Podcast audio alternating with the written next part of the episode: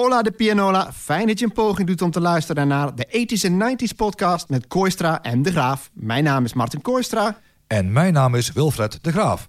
Vandaag gaan we het hebben over de muziek uit 1984. Maar nu eerst... Het is niet te geloven, de tijd gaat zo vlug.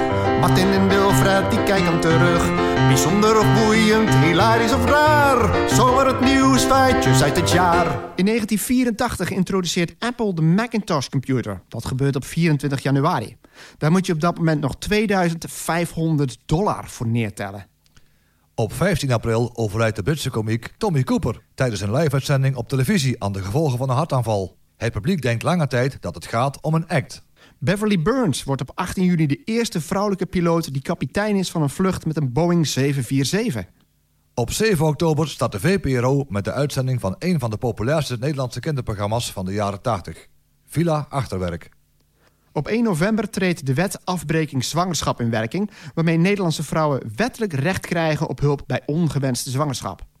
Police Academy is een van de grootste bioscoophits van het jaar. In de jaren daarna zal Police Academy ook in Nederland een enorme hit worden. Maar dan in de videotheken. Nou, we mogen allebei een nieuwtje kiezen. Welke kies jij? Ik kies het, uh, het overlijden van uh, Tommy Cooper tijdens een live optreden. Wat kun jij je nog herinneren van Tommy Cooper? Zijn trucs moesten altijd uh, fout gaan. En ook volgens mij had ook al vaak zo'n zo'n hoedje op met zo'n flos. Een vest inderdaad. Dat was een hele grote man ook. En altijd zo'n vest op en dan van die beetje wilde haren eronder.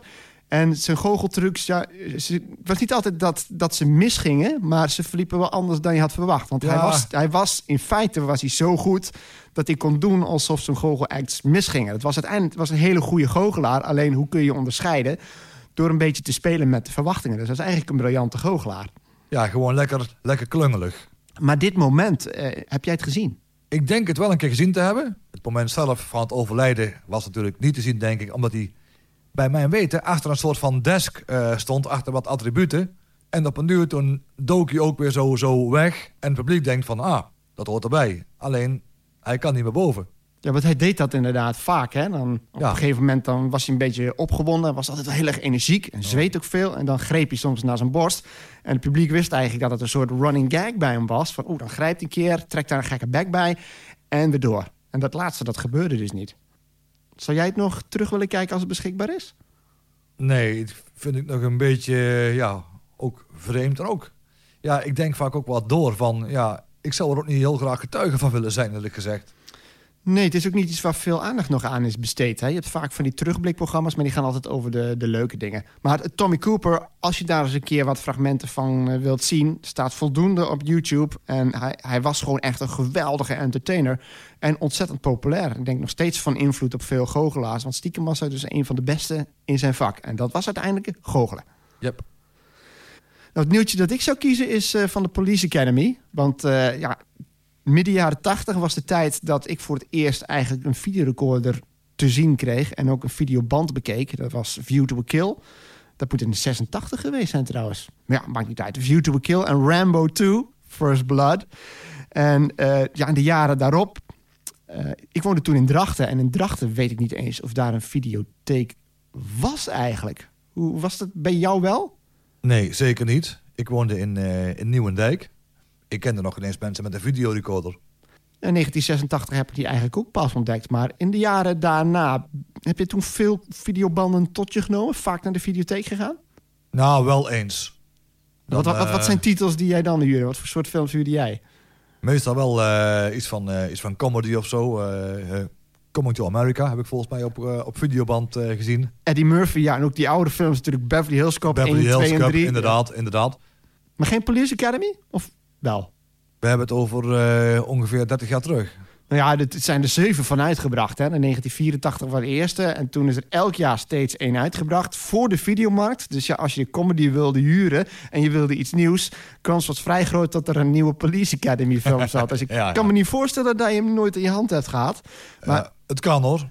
Het, staat bekend als een niet al te beste serie... maar het was gewoon wel heel erg populair. En het feit dat het in de top 10 stond van de meest succesvolle films... en dat het in 1984 alleen te zien was in Amerikaanse bioscopen... geeft aan eigenlijk hoe populair het daar ook was. Maar het is ook gewoon heel erg fout. Want de vrouwen die daar rondlopen... die zijn vooral lustobjecten. Er zijn er drie. Twee daarvan, eentje, daar zit Mahoney altijd achteraan. Die zit allemaal van de seksuele toespelingen te maken... die tegenwoordig echt niet meer kunnen. En de andere is een luitenant die dan wel een dominante rol heeft... maar uh, ook een beetje in de letterlijke zin. Want als dan een keer een man aanstalten maakt...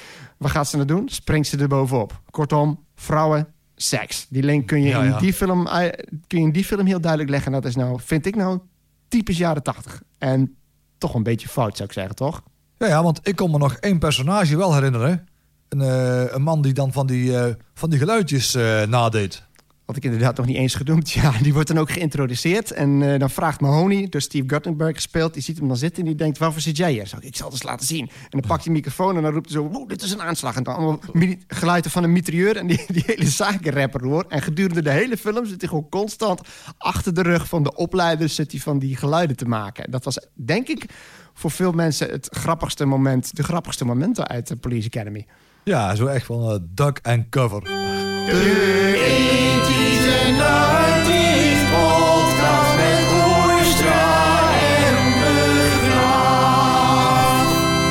Tot zover het nieuws uit het jaar 1984. Maar nu gaan we het hebben over de muziek. Daarvoor gebruiken wij onze muziekbijbel, het Top 40 Hit Dossier. Martin en ik hebben in totaal 10 liedjes gekozen uit de single Top 100 van het jaar 1984. Daar hebben we een top 10 van gemaakt. De nummer 1 is de grootste hit uit ons lijstje. Maar iedere top 10 begint natuurlijk met... Nummer 10.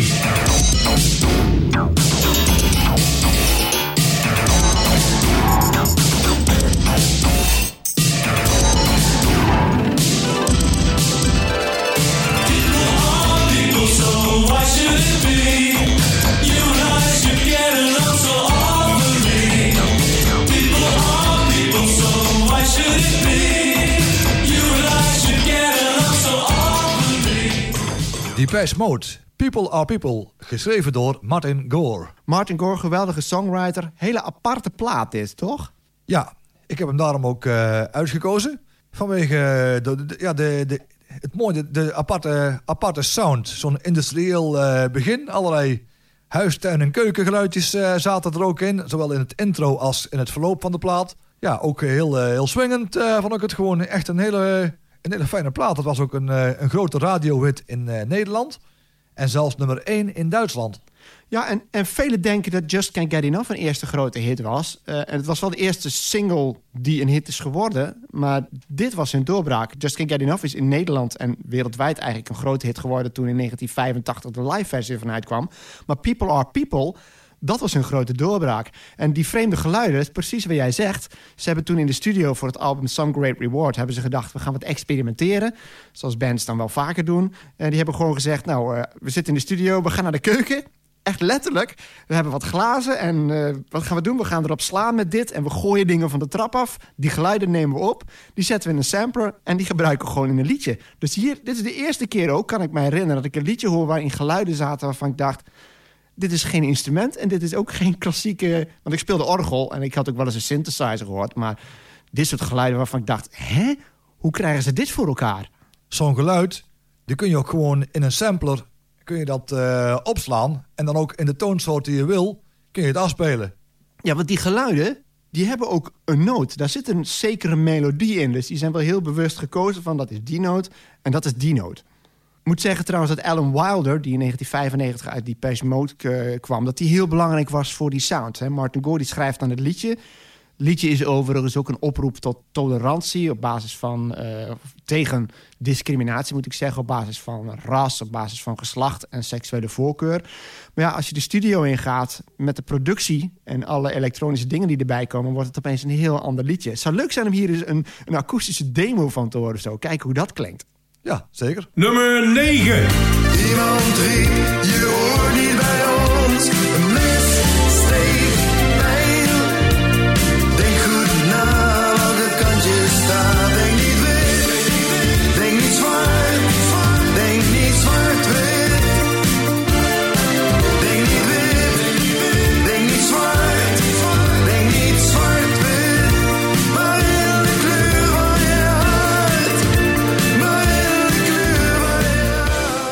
Frank. Zwart-wit, geschreven door Frank Boeien. Dit is echt een dijk van een hit voor een Nederlandstalige plaat. Die deed het wel goed, maar zo goed als deze waren er niet veel.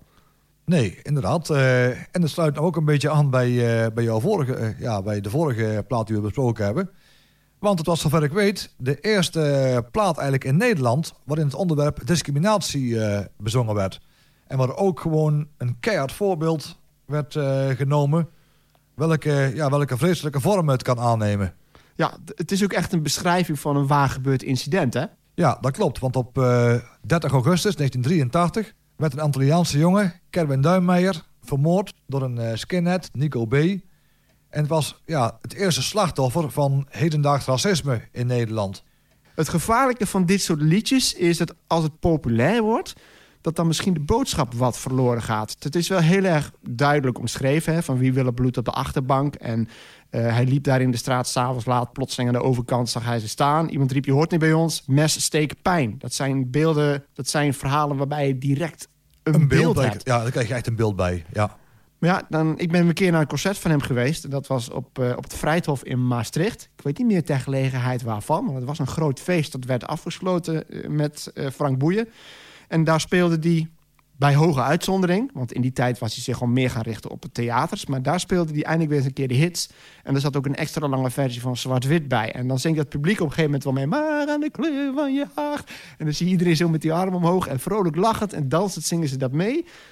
En ik denk dan maar, oké, we doen allemaal vrolijk mee... maar beseffen we ons nog wel waar het liedje over gaat? Ja, ja, van de ene kant natuurlijk wel. Maar ja, het is natuurlijk wel gewoon heel de productie en heel de plaat. Het is gewoon, het is kwaliteits nederpop. Maar ja, dan heb je, kun je beter hebben dat een grote mensenmassa het liedje gewoon kent en blijft kennen. Ja, en als er misschien een aantal mensen daarvan de boodschap misschien een beetje ontgaan is, ja, het zij zo. Maar als maar bij het grote publiek de boodschap eh, blijft hangen. Ga ik hem er toch ingooien? Je, je, je weet hem al, want ik heb het vaak over jouw ethisch parties. Is het er eentje die je daar kunt draaien? Want het is natuurlijk wel een, het, het is een, een knaller. Maar past die daar ook? Nee, bij een echt discofeestje zou ik het niet, eh, vind ik het niet bijpassen, eerlijk gezegd. Maar Wel op een algemene ethisch party? Hm, Ik zie je twijfelen. Ja, ja, ik vind het niet echt een, eh, een feestplaat eigenlijk. Dus eh, daarom, het is, ik heb, nee, ik heb het nog nooit gedraaid tijdens, tijdens een feest wat ik gedraaid heb. En dat is dan toch vanwege de tekst? Nee, gewoon, ja, misschien omdat, omdat er misschien nog zoveel andere platen zijn die ik wel draai. Dus eh, ja, dan, dan maak je je keuzes, eh, je keuzes wel. Ja, het is gewoon ja, een verschil tussen, eh, tussen radioplaten eigenlijk en echte feestplaten, vind ik. Dit is een klassieke radioplaat, Ja. maar past niet op een feest. Dit, dit is echt zo'n geval duidelijk radio. Ja, in de auto vind ik het heerlijk als het op staat. eh, ja, Gaat die knop even omhoog. dan gaat de knop zeker, dan gaat de knop zeker omhoog. Nummer 8. Heroes, the heroes return, and a royalty ten. While the angels learn, that the pain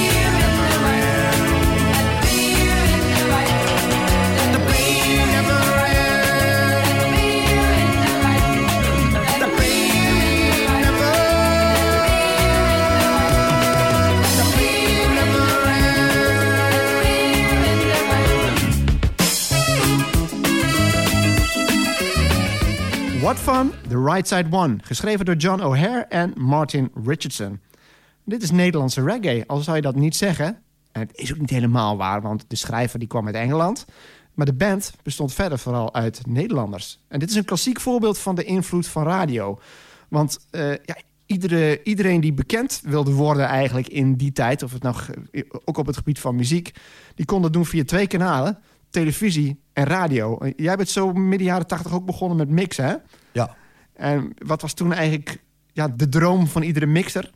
dat was eh, ja, een mix opsturen naar de, naar de BVD, naar de Bond van Doorstaters bij eh Ferry Maat. Ja, en, en dat is dus radio. Radio. Ja, en achteraf gezien, heel veel eh, jongens die toen een jaar of eh, twintig waren, die, eh, die bandjes eh, echt opstuurden, zijn later ook gewoon echt in de jaren negentig vooral gewoon doorgebroken. Eh, noem eh, de mannen van de Clubheads. Eh, Adi van der Zwan en Koen Groeneveld. Hm? Ja, maakten de mixen voor de Bond van Doorstaters. Onze eigen Marco Verkuilen. Oeh, Marco V. Ja, die heeft, nog, heeft nog, Marco V. die heeft nog een tijdje in de top 10 gestaan van de beste discjockeys van de wereld. Dus die kon Ja. zich meten met Tiesto en Armin van Precies. Ruud van Rijen, de man achter 24-7. nou, die heeft later ook gigantische hits gehad. Ja. Ja. Dus het was, hoe dan ook, een goede leerschool bleek dat dan te zijn. Maar ook de impact die je krijgt van, je bent daar op de radio geweest. Ja, ik noem dat omdat What Fun nou typisch een voorbeeld is van een band die uit het niets kwam. En toen op een gegeven moment werd uitgenodigd door de VARA in Popkrant. En daar speelden ze dit liedje, The Right Side One. En vervolgens staan ze in de top 10 en hebben ze gewoon een, een hele grote hit... die een van de grootste Nederlandse hits van dat jaar was. Zo ging dat dus. Als je op de radio kwam, kon je ineens een hit zijn. radio is, kun je eigenlijk vergelijken met als je tegenwoordig een, eh, een, plaat, eh, een plaat maakt en je hebt niet de middelen om meteen bij een grote maatschappij eh, te, kunnen, te kunnen aansluiten. Je moet er gewoon zorgen, ik zeg het ook vaak tegen jongens die muziek maken, zorg ervoor dat de juiste mensen, de juiste YouTube-influencers en zo, als die jouw plaat oppikken en die hebben 500.000 volgers, is de kans ook heel groot dat jouw plaat ja, iets, gaat, iets gaat doen. Ja, maar goed, daarbij influencers geldt natuurlijk hetzelfde wat ook bij de radio gold. Hoe krijg je dat voor elkaar? Met behulp van pluggers. Dus Ja. mensen die zeggen, hey, hier, ik heb er iets leuks... en die geven je dan iets erbij. Wat bij influencers ook is, hè. Die geven je dan een cadeautje van... Nou, weet je wat, als je dit nou draait of aanprijst... dan krijg je dit en dat. En daar kun je weer wat, eh, wat mee verdienen. Maar wat van, dit liedje was dus wel politiek geëngageerd... maar waren wij ons daarvan bewust in de tijd? Dat het liedje ging eigenlijk over de Falklandoorlog? Ik helemaal niet, want ik was toen 11, ik was toen 11 à 12 jaar. Ik was al blij als ik wat Engels eh, redelijk kon verstaan. Ja, ik, ik, ik begreep wel dat ze zongen The Right Side One, because God's on our side. Dus het zal wel ergens over gaan. Maar waar Ja. het dan precies over ging, dat is misschien ook wel de kracht van het liedje. Eh, want het is universeel eigenlijk. Elke oorlog, zo zou je kunnen zeggen, elke oorlog is onzinnig. En iedereen die een oorlog wint, die zegt wij winnen, want God staat aan onze kant. Maar ja, het verhaal van What Fun is dan wel weer aardig. Eh, Kijk, wij doen altijd ons voorwerk. Hè? Dan zoeken we wat informatie over het liedje of over de artiest. En het laatste wat je wilt doen is dan naar Wikipedia gaan. Want oké, daar kun je ook wel wat vinden, maar dat is niet de meest betrouwbare bron. En van alle artiesten die ik tot nu toe heb onderzocht, en het zijn er best veel, is dit de eerste waarbij ik nergens anders terecht kom dan bij Wikipedia. Dus dat, wat zegt ons dat over What Fun? Vlug gekomen, maar ook vlug gegaan. En het liedje is gewoon wel... Ik vind het gewoon echt wel opzwepend, hè? Als je dan krijgt... The heroes return in the royalty die, and we're in the right... Het bouwt op naar zo'n crescendo. En je had het Ja. bij eh, Madness... had je het over die saxofoonsolo. En die zit hier dus ook in, hè? Zo'n echte... Ja, ja, ja, ja. En bij Top Op, daar zie je die man dan ook echt zo met zijn handen bij zijn oren. Zo, wat is dit voor herrie? Dus ik vind het echt een heel aanstekelijk liedje. En Nederlandse reggae. We hadden dus meer dan alleen Doe Maar op dat gebied. Nummer 7.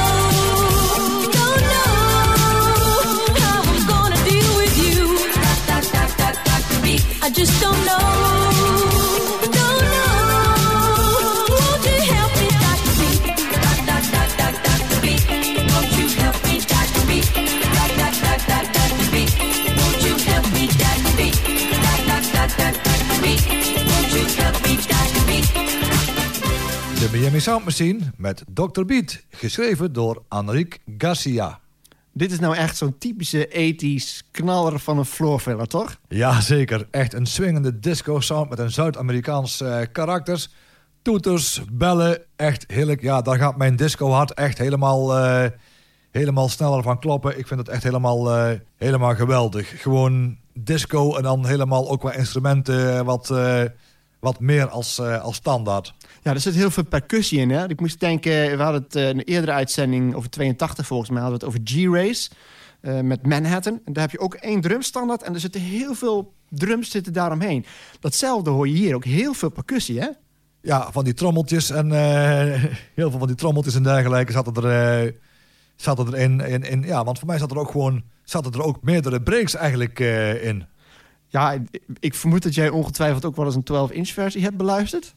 Ja. Gok ik zo? Ja, ja, ja, ja, want die, eh, die 12-inch versie.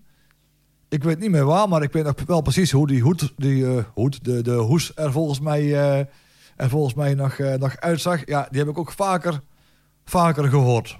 Ja, zeggen, want de single versie zit volgens mij niet zoveel breaks in. Maar ik heb ook een keer een 12-inch 12 versie geluisterd. En ja, dan, dan zitten dat soort dingen daar natuurlijk wel in. Dat vind ik wel mooi van de jaren 80 eh, 12 inches. Die hebben vaak van die aparte breaks. Dat op een gegeven moment gewoon eh, een maat van vier tellen... en dan ineens heb je eentje met twee tellen en gaat hij weer door. Waardoor die best lastig te mixen is, denk ik dan.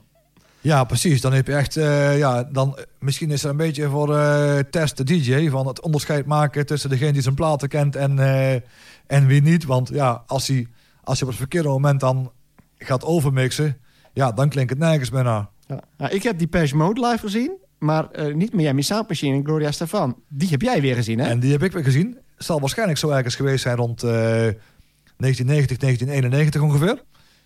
En dat was wel, was wel leuk. Ik was, eh, ik was, dat was in, eh, in Rotterdam, in de, in de grote zaal, Ahoy.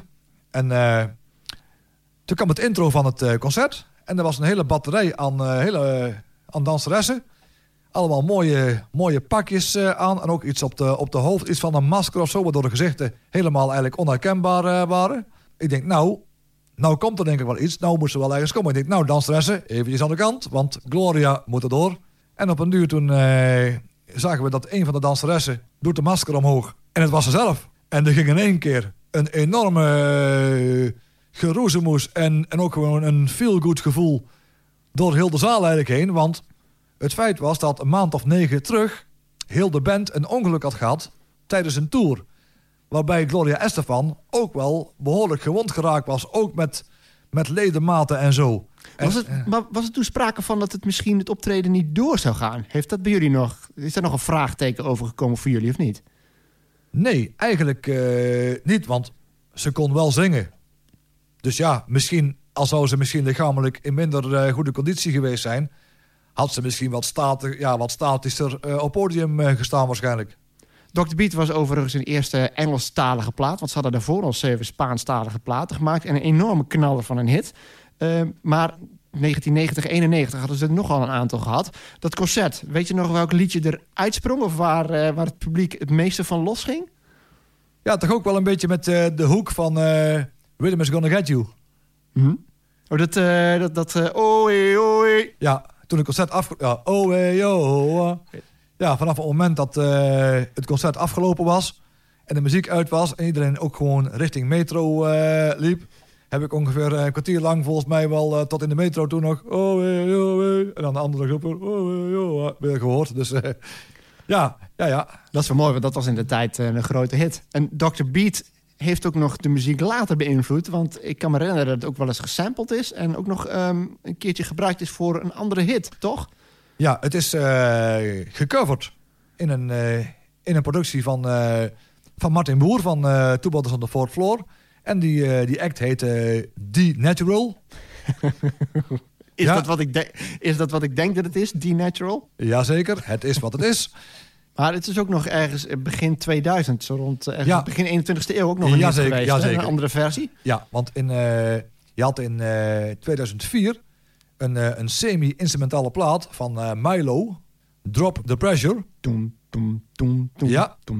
En dan eh, een, eh, een robotstemmetje wat van... Drop the pre- Pressure. Ja, Ja. precies. Ja, ruim een jaar later kwam er in één keer de mash-up met het baslijntje gewoon de hoek van, van Drop the Pressure. En daar overheen de vocalen van Gloria Estefan met eh Dr. Beat. En beide versies zijn ook gewoon grote hits geweest. In, binnen een jaar van elkaar. Ja, ik vraag me dan achteraf gezien, vraag ik mij wel af van... is het zo dat Milo zelf het idee had om die mes op te maken? Of dat misschien iemand hem getipt heeft of een keer een demootje opgestuurd heeft van... luister, maak dit eens.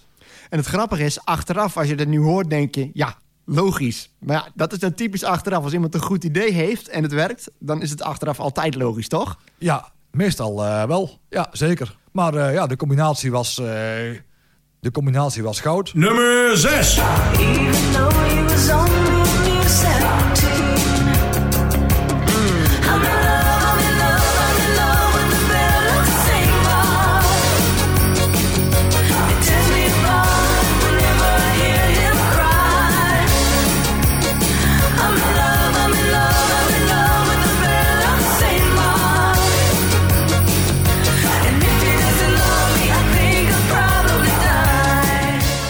E. The Bell of St. Mark, geschreven door Prince. Prince, die komt vaker voorbij... want die heeft stiekem toch wel een grote bijdrage geleverd... aan veel muzikanten. Waaronder Sheila E.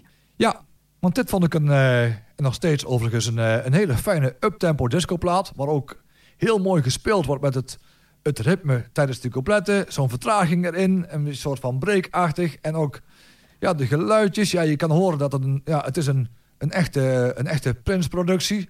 Ja, alles wat die man aanraakt qua producties is bij mij bijna altijd gewoon puur goud. Het is heel simpel eigenlijk, de basisbeat, maar het is rete strak. En, Ja. en het werkt. Want dit is ook echt wel ook weer verrassend wellicht. Want ik moet eerlijk zeggen, jij noemde hem.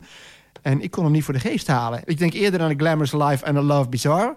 En deze, die kon ik me dan weer niet herinneren. Maar voor jou is dit de Chile E-plaat, toch? Ja, klopt. Die eh, heb ik wel eens eh, gehoord zo op eh, een keer bij een café of iets. En ja, dan vraag ik eens van, hoe heet die plaat ook alweer? En dan hoor je dat en denk ik, hey, even onthouden. En als er weer een keer een, een discofeestje tevoorschijn komt, dan, dan draai ik hem ook als een beetje als, ja, een beetje als, als break eigenlijk ook. En je ziet ook gewoon aan de, aan de mensen, aan de reacties, de vrolijkheid die het afstraalt van, ja, dat, eh, dat vinden ze, ja de mensen vinden het leuk. Hoeveel heb jij geleerd eigenlijk qua draaien door eigenlijk te kijken wat anderen doen? Ik denk heel veel, want dat vind ik eigenlijk het voordeel... dat ik eigenlijk eh, echt actief ben gaan draaien. Toen was ik eh, eind 20, dus ik heb al een hele stapperiode achter de rug toen de tijd. En dat heeft wel invloed gehad van dat ik denk... ah, hè, van alle cafés die ik ooit... Hè, want als, als we naar eh, Eindhoven gingen op, eh op Straatmas Eind... Ja, had je verschillende kroegen. En de, ja, ene, ja. en de ene kroeg waar jij ook gedraaid hebt... die was ook nogal van de Golden Oldies. En daar leer je wel wat van.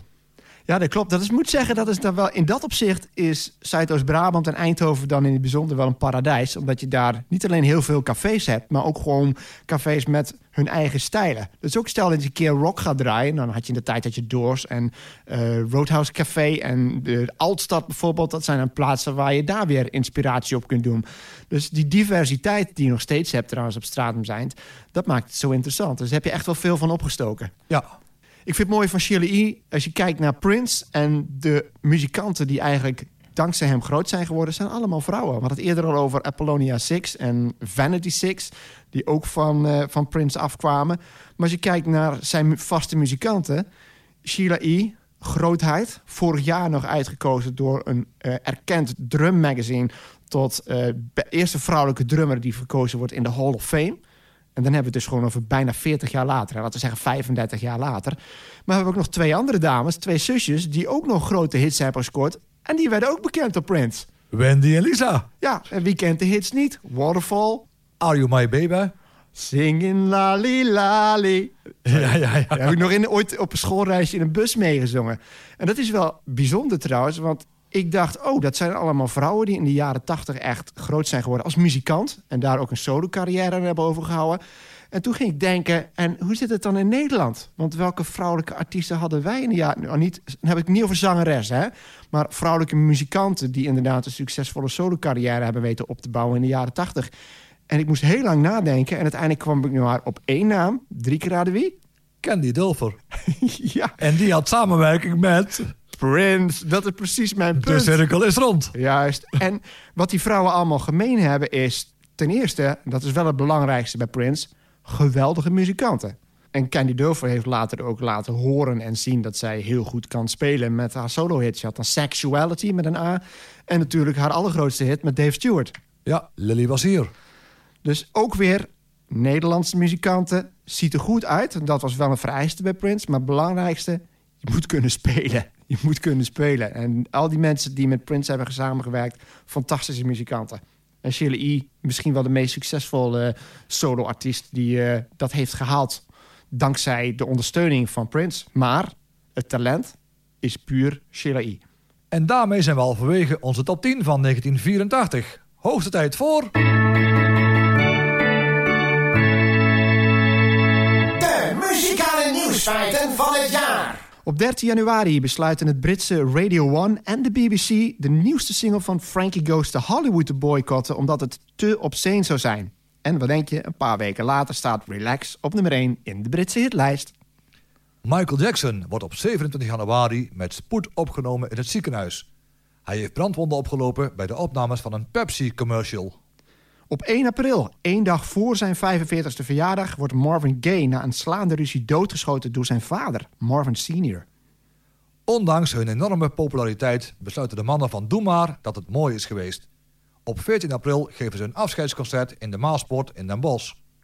Op 26 september brengt Def Jam, het gloednieuwe hip-hop label van Rick Rubin, haar eerste single uit. I Need a Beat van LL Cool J. Een maand later strikt Rubin een tweede act voor Def Jam, The Beastie Boys. Op 11 november ziet Bob Geldof een reportage van de BBC over de hongersnood in Ethiopië. Hij besluit actie te ondernemen en vraagt Mitch Ure, de zanger en gitarist van Ultravox, om samen met hem een lied te schrijven. Zo, dat zijn een paar nieuwtjes. Wat is jou, voor jou het meest interessante eruit? Het, eh, het rigoureus stoppen van Doe maar. Dat was eh, een mediasensatie. Wat heb jij daarvan meegekregen? Heb je dat bewust meegekregen of niet? Ja, natuurlijk eh, de vooraankondigingen op, op radio en tv. En ik heb het ook eh, gewoon gezien, want eh, ik ging kijken bij een, eh, bij een vriendje van mij. En ja, het toeval wil dat zijn vader ook nogal van audio en high-tech, hi-fi hield. Dus op een, op een goede tv en, en externe speakers hebben wij het helemaal bekeken. We hebben allebei een oudere zus. En die zit een beetje in de doelgroep van Doe maar, zo maar zeggen. Want dat waren vooral jonge meisjes. Mijn zus die was daar niet zo mee bezig. Hoe was dat bij jou? Nou, mijn zus had wel de cassette van Doris D en andere stukken. Alleen, ja, vanaf het moment eigenlijk dat Doe maar echt populair begon te worden bij het grote publiek, had zij zoiets van, ja, als iedereen erachteraan loopt, dan eh, ik niet. Ja, dat heb ik ook nog wel eens. Dat iets, als iets heel populair is, dan opeens vind je het niks meer. Ik had er bijvoorbeeld de avond van Boudewijn de Groot. Ik heb die single toen nog ingekocht. Dat deed ik toen van Radio Decibel. Ik dacht, oh, mooi liedje. Fantastisch liedje. Heel veel gedraaid. Nou ja, nooit iets geworden. En dan ineens een aantal jaren wordt dat een gigantische hit. En dan had ik zoiets van, ja, nou, nou we weten het wel. Dat vind ik er niet zo mooi meer. Maar goed, we hebben het over Doe Maar. Ik moet zeggen, ik heb daar wel bewondering voor... dat zij gestopt zijn op het hoogtepunt van hun roem. Maar ja, het waren ook mannen van dik in de 30 die zongen je loopt je lul achterna. En als je dan van die meiden van, nou ja, van 13, 14 jaar hebben die dat meezingen. Dat is ook een beetje raar. Dat was met het dat afscheidsconcert konden ze zichzelf bijna niet meer horen, hè? Nee, precies. Eh daar zat ook gewoon een beetje een, eh, een portie eh, ongemakkelijkheid gewoon, gewoon bij. Want ze waren zelf al, eh, al dertigers. En als je dan keek op de, zeker de voorste rijen... en ook heel veel echt gewoon van die meiden van wel 12, 13 jaar...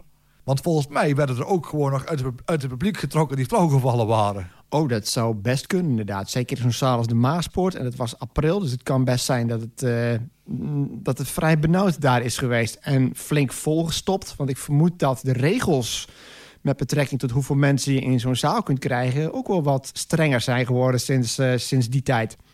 Ja, ik denk het, eh, ik denk het zeker. Want ja, het, was, het gebeurde, ja, het gebeurde die, die tijd gebeurde het vaker dat eh, in het publiek eigenlijk gewoon mensen wel eens flauw vielen. Ook vanwege het benauwde en het druk op elkaar en zo. Maar doe maar, ja, hun publiek was eigenlijk destijds veel te jong. Dat vonden ze zelf ook. Dus eigenlijk is het wel logisch dat ze zo rond 99, 2000 toen aankondigden... dat ze toch weer een reunie gingen doen. Want toen waren al die tieners van toen zelf ook in de 30. Ja, de mensen hadden toen ook in plaats van de cassette of de LP ook waarschijnlijk gewoon de verzamel-CD. Want er waren er meerdere volgens mij in, eh, in omloop. Ja, en de muziek. Ja, ik vind het nog steeds eigenlijk eh, tijdloos eigenlijk. Ja, ik had het complete hi- hitoverzicht. Daar stond een dubbel cd zelfs, dus dat wil wat zeggen. Want Doe Maar heeft maar vijf jaar... Nou nee, ze zijn e- eind jaren 70 hadden ze een eerste album. 84 trokken ze de stekker eruit. Dus die hebben in vijf jaar hebben ze gewoon best veel bekende liedjes eh, naar voren gebracht. En het feit dat iedereen die liedjes al meezong... en ook bij de reunieconcert gewoon nog meezingt... betekent dat ze echt wel blijvende impact hebben gehad. Ja, ja zeker. eh, en ik weet ook eh, van hoe de muziek leeft. Ja, bij de laatste editie hier in Gelderop van het Kasteelfestival... was een, een Doe Maar tribute band. En ook gewoon de wat onbekendere nummers... Wist, wist het publiek ook gewoon woordelijk gewoon mee te zingen. Ook gewoon heel de tekst bijvoorbeeld van eh, Alles gaat voorbij. Ja, voor mij is het meest interessante nieuwtje dat van Michael Jackson. Want Michael Jackson, eh, ja, we kunnen de jaren 80 eigenlijk niet bespreken... stond het over Michael Jackson gehad hebben, toch? Nee, onmogelijk. En sowieso is, we horen vaak de negatieve kanten van Michael Jackson. Nou, die, die kennen we, daar hebben we van gehoord. Maar er is ook zeker een positieve kant van Michael Jackson. En dit is een verhaal dat dat wel illustreert. Eh, even nog het achtergrondverhaal van die brandwonden. Want eh, wat je zag in de jaren 80 is dat popartiesten steeds meer kans kregen om een centje bij te verdienen. Omdat de commercie om hem heen begon te draaien. Dus je had meerdere artiesten die eh, groot geld konden krijgen door contracten te sluiten met dat soort multinationals. En voor Michael Jackson was dat Pepsi. En die hadden een eh, commercial waarbij gebruik werd, van, eh, gebruik werd gemaakt van pyrotechnics. En daar ging iets mis, waardoor het haar van Michael Jackson vlam vatte. En hij dus met brandwonden moest worden opgenomen. Nou, uiteraard eh, kwam daar een schikking uit voort, want Pepsi was verantwoordelijk voor de veiligheid. Michael Jackson inkomstenderving. En die kreeg dus een flinke som geld. Maar ja, wat denk je dat hij met dat geld gedaan heeft? Hij schonk het waarschijnlijk ergens eh, aan, aan een, eh, volgens mij aan de, aan de brandwonden, iets met brandwonden. Een brandwondencentrum? Ja, het ziekenhuis waar hij was eh, opgenomen, daar heeft hij het geld gedoneerd. Het volledige geld van die vergoeding heeft hij daarvoor gegeven. En het ziekenhuis heeft toen besloten om daar een brandwondencentrum te stichten. Dat de Michael Jackson. maar dat naar Michael Jackson vernoemd is in ieder geval. Dat, is, dat is na een tijdje wel failliet gegaan. Maar het geeft toch ook aan. Oké, dat geld krijgt hij dan. Maar dat geeft hij toch ook weer aan goede doelen. Dat heeft hij in latere jaren veel vaker gedaan. Maar tot zover Michael Jackson. Nummer 5. Something strange in your neighborhood. Who you gonna call? Ghostbusters! Something weird and it don't look good. Who you gonna call?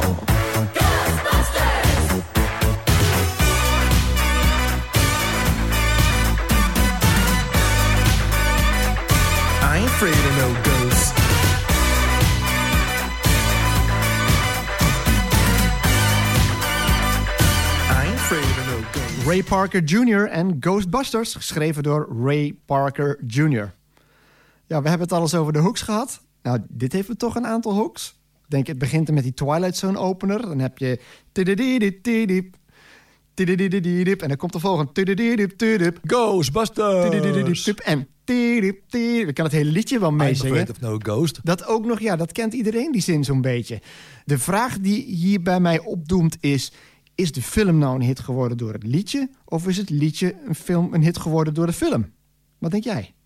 Uitgaand uit mijn persoonlijke ervaring, ik ken het liedje van de film. Ik weet niet wat het eerste was. Ik, eh, ik ken de film denk ik van het liedje... omdat het liedje een videoclip had. Voor mij zijn die videoclips nog eh, heel erg helder voor de geest.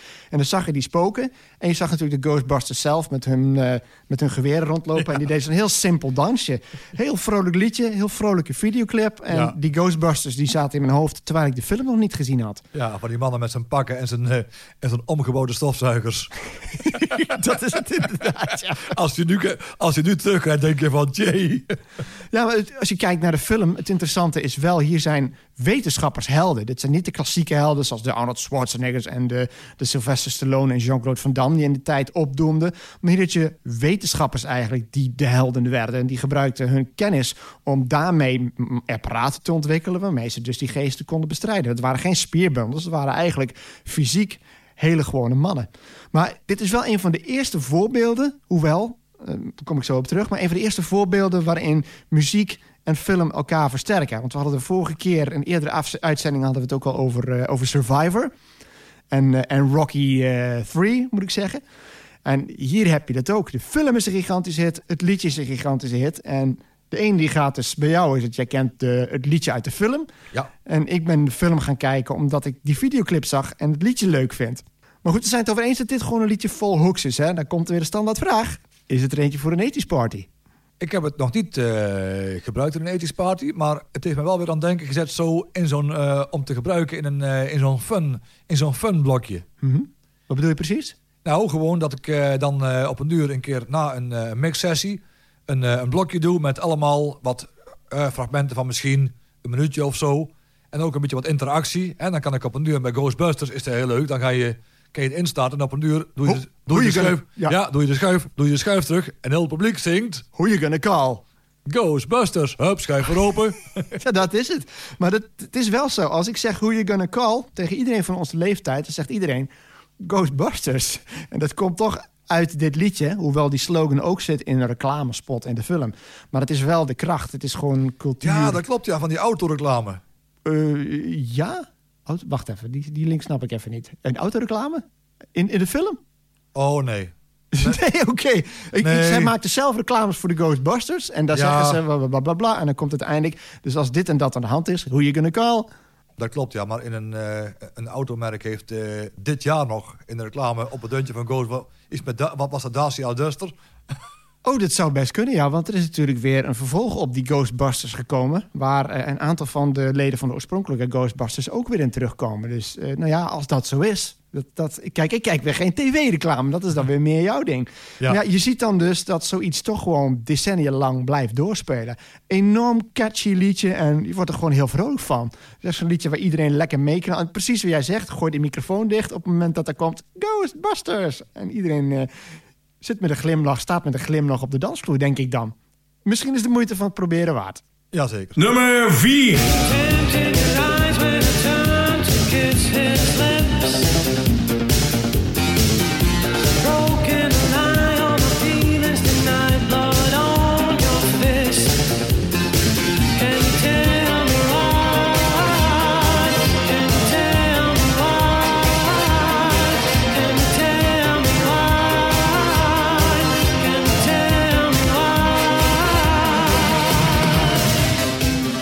Bronski Beat en Why, geschreven door Steve Bronski, Larry Steinbachek en Jimmy Somerville.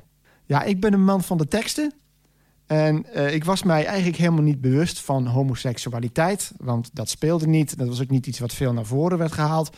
Maar toen ik dit liedje hoorde... eh, de eerste zin is al... Content in your eyes when I turn to kiss his lips. En dat his lips wordt heel erg benadrukt. Dat, dat kun je bijna niet missen.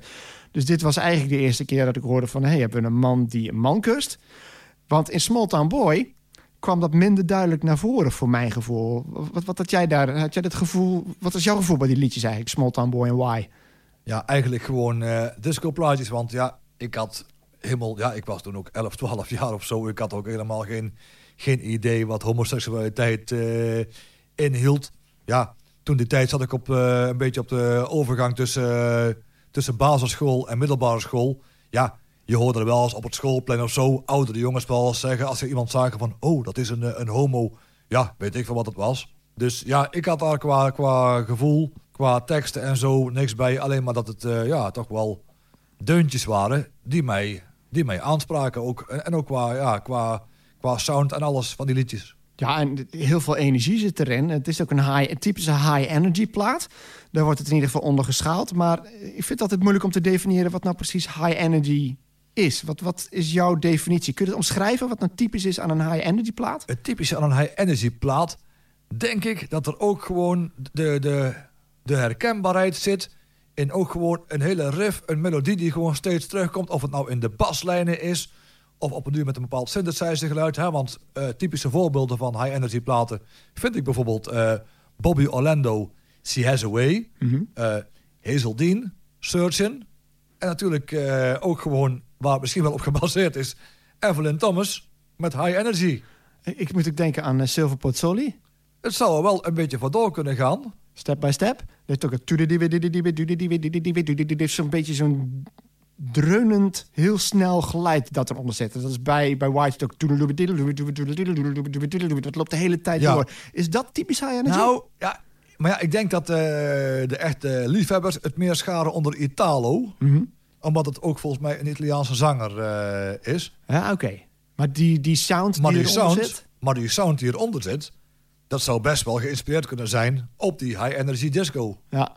Het bijzondere van Bronski Beat was dat de eerste band is die echt openlijk uitkwamen voor het feit dat ze homoseksueel waren. Ja. En dat, want we hadden in die tijd natuurlijk ook Culture Club. Waar ook heel veel gespeculeerd werd over Boy George. Omdat hij eh, nou, zich kleedde als, eh, als een vrouw, zoals dat dan heet.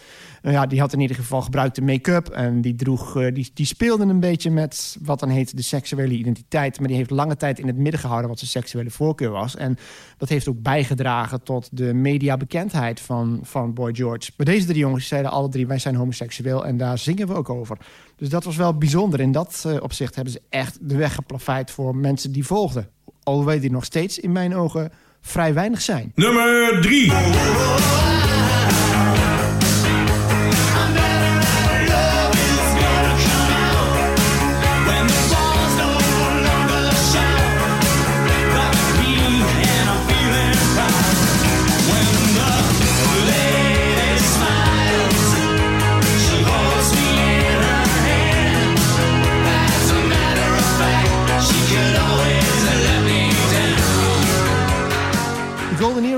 The Lady Smiles, geschreven door George Kooijmans en Barry Hay. Als er nou één band is die het had kunnen maken in de Verenigde Staten...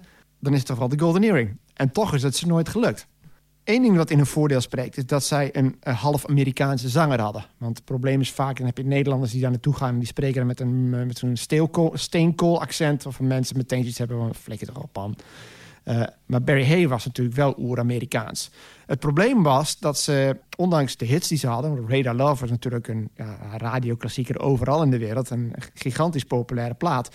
Maar eh, de mannen hadden nogal snel heimwee naar Den Haag. Ja, als je in de jaren 70, begin jaren 70 het wilde maken in de Verenigde Staten... dan moest je daar toch een paar jaar in investeren. Eh, want toeren, toeren, toeren, dat was de manier om het daar te maken... En daar hadden ze niet zoveel zin in. Dus binnen na een paar maanden gingen ze weer terug naar Nederland. Nee, dat, dat terwijl Kiss in hun voorprogramma heeft gestaan... na hun debuutalbum. Kiss in het voorprogramma van de Golden Earring. Dus dat wil zeggen dat de Golden Earring toch wel degelijk... redelijk hoog aangeschreven was. Stond. Ja, ja, want toen de tijd... Want ja, het was niet eventjes eh, met, eh, met videobellen of WhatsApp... eventjes, eh, eventjes contact houden met de thuisfront. Dat inderdaad ook, ja. Want ja, nu kun je veel makkelijker een beetje van dat heimweegevoel... dat daar vast zit afkomen. Maar ja, in die tijd zit je gewoon in je eigen bubbel. En je moet je dat thuis voeren natuurlijk. Maar het spreekt ook wel weer voor hun dat ze, dat ze niet gezegd hebben van... nou, we stoppen ermee. Of dat eentje gezegd heeft, ik ga naar huis. Maar dat ze dat gewoon gezamenlijk hebben besloten. Maar goed, dit liedje had gewoon hun doorbraak kunnen zijn. En dat is het niet geworden. En dat had een beetje te maken met de video. Want de video was nogal controversieel. Weet jij nog waarom? Er speelde iets af met een, eh, met een vrouw die aangerand werd in een tram of metro. Ja, en dat was niet zomaar een vrouw. Het was een non. was een non inderdaad, ja. En achteraf dachten de bandleden ook van... waarom hebben we dat überhaupt in die videoclip gedaan? Want het lijkt alsof het liedje heel agressief is. Muzikaal is het dat ook. Maar de tekst zelf gaat eigenlijk over een man die zegt... Nou, ik, dat, die zich gedraagt een beetje als een schoothondje. hè. When the lady smiles, she holds me in her hand. Ja, dan heeft ze mij gewoon in haar handen. Dan ben ik van haar. En dan zit er ineens een, een aanrandingsscène of een verkrachtingsscène in. Vreemd. Maar het gevolg daarvan was dat het liedje niet gedraaid werd eh, op MTV. En om die reden besloten ze ook in Amerika om het liedje in zijn geheel te boycotten. Terwijl het gewoon verder best een grappige videoclip is. En vooral een dijk van een plaat. Vooral het intro, hè, dat zo opkomt. En dan die knal van die drums. En dan zakt het weer terug. En dan bouwt het erop naar het refrein. En dan komt eigenlijk het mooiste van alles. En dat is de samenzang van Barry Hay en George Kooijmans. Ja, precies. Ja, was echt een heel eh, ja, geweldig nummer. Ook met, met opbouw en zo. En ook eh, toen ik op school zat, eh, werd toch wel bij een eh, playbackavond... werd toch wel regelmatig eh geplaybacked. En je kon ook meteen merken aan het eh, publiek wat aanwezig eh, was... laaiend enthousiast. Ideaal voor een blokje rock op een feest. Dat zou ik wel zeggen, ja. Nummer 2.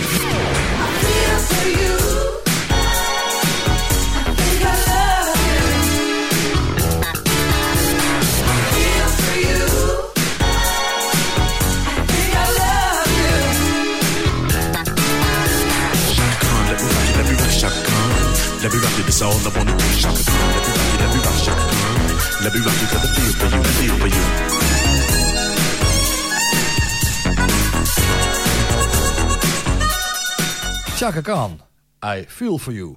Geschreven door Prins. Daar is die weer. Ja, terwijl je eigenlijk toch wel kan zeggen dat de platen die door Prins geschreven zijn en ook gewoon gearrangeerd zijn, ze lijken niet op elkaar, vind ik. Nee, we hebben net Bell of St. Mark gehoord. Je hoort onmiskenbaar, het is Prince. Maar je zou ze niet eh, met elkaar verwarren, inderdaad. Absoluut niet. Nee, want het was eh, ja, gewoon weer een, een geweldige plaat. Een, eh, het rap-intro van Melly Mel vond ik al, eh, al super. En dan met de beats en breaks, heel creatief gedaan. Want volgens mij herkende ik de harmonica van eh Stevie Wonder. Alleen wat ik dus niet wist, dat het eigenlijk een cover was van het origineel van Prince. Maar die cover, die ken jij weer. Ja, inmiddels wel. Want net als jij dacht ik, oké, geschreven door Prince voor Chaka Khan. Want Ja. dat, dat deed hij wel vaker. We hebben het net gehad over, eh, over Sheila E., over eh, Wendy en Lisa... waar hij ook liedjes voor schreef en waar hij ook mee samenwerkte. Maar bij Chaka Khan is dat niet het geval. Die heeft een cover gemaakt van een liedje van Prince. En dat komt uit 1979, komt van zijn album Prince... En het grappige is, Chaka Khan was in 1979 ook al heel succesvol. Maar de sound, die R&B-sound van eind jaren 70...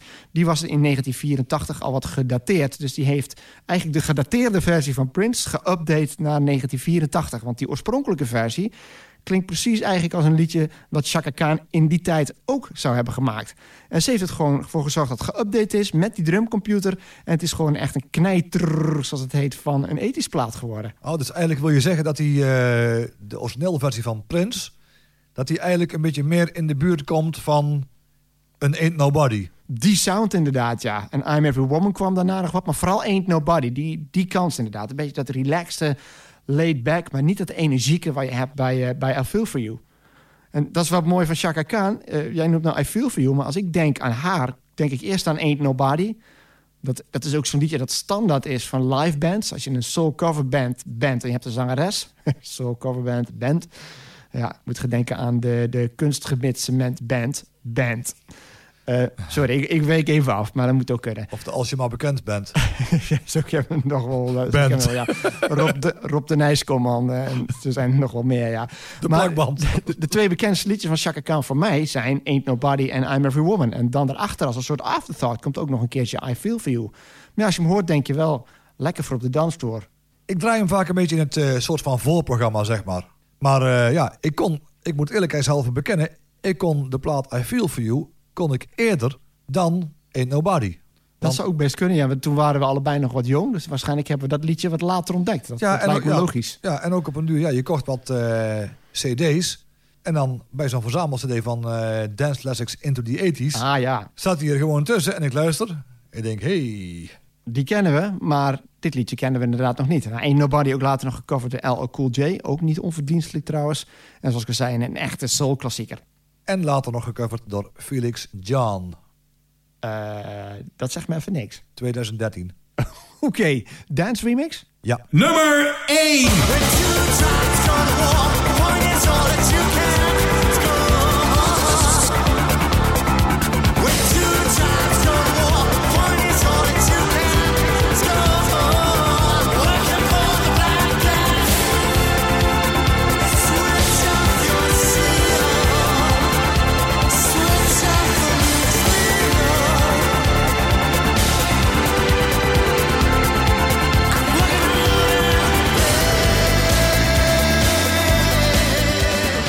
Frankie Goes to Hollywood en Two Tribes, geschreven door Peter Rill, Holly Johnson en Mark O'Toole.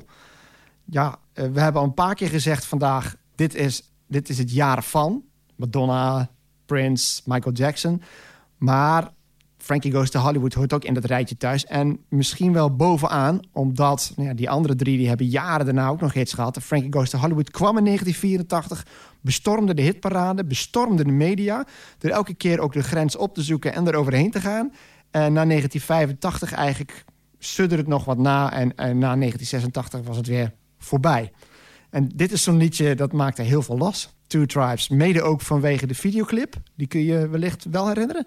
Ja, waarin de twee wereldleiders eh, dus van eh, Amerika en, eh, en Rusland elkaar eh, behoorlijk te lijf gaan in een soort van boksring. Ja, en een soort vrij gevecht waar iedereen ook op zit te wedden. En die gaan ook niet zachtzinnig met elkaar om. Die sloegen elkaar echt op moes. En dan had je ook van die momenten dat het bloed eigenlijk zo in de camera zat. Ja. close-ups. En ik vond dat nogal heftig als tienjarig mennik hoor.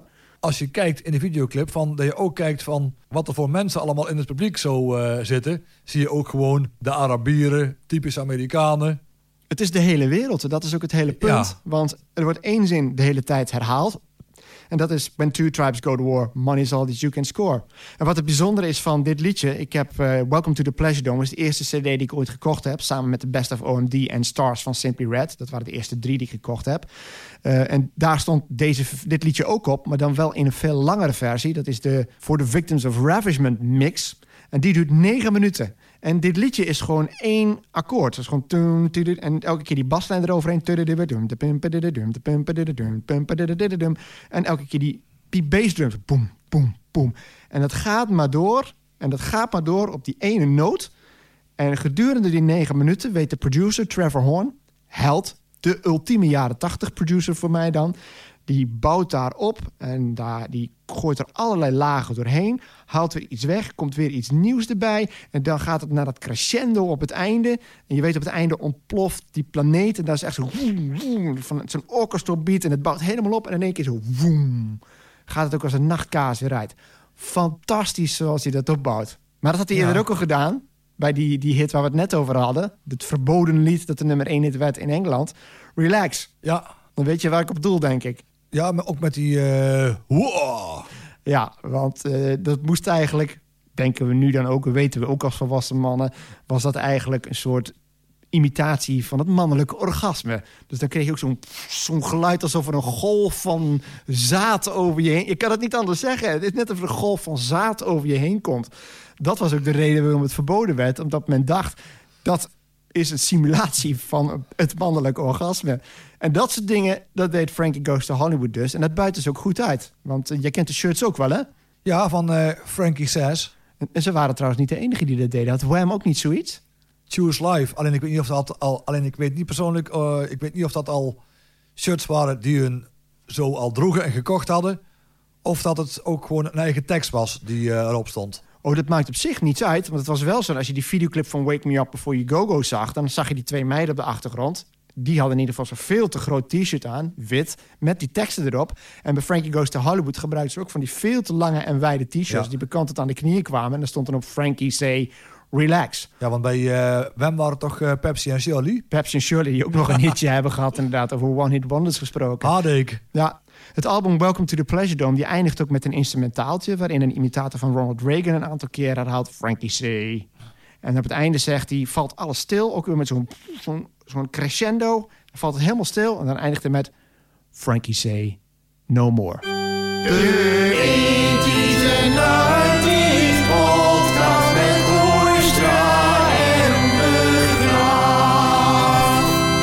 En daarmee zijn we aan het einde gekomen van deze podcast. Fijn dat u wilde luisteren. Houdoe. En bedankt.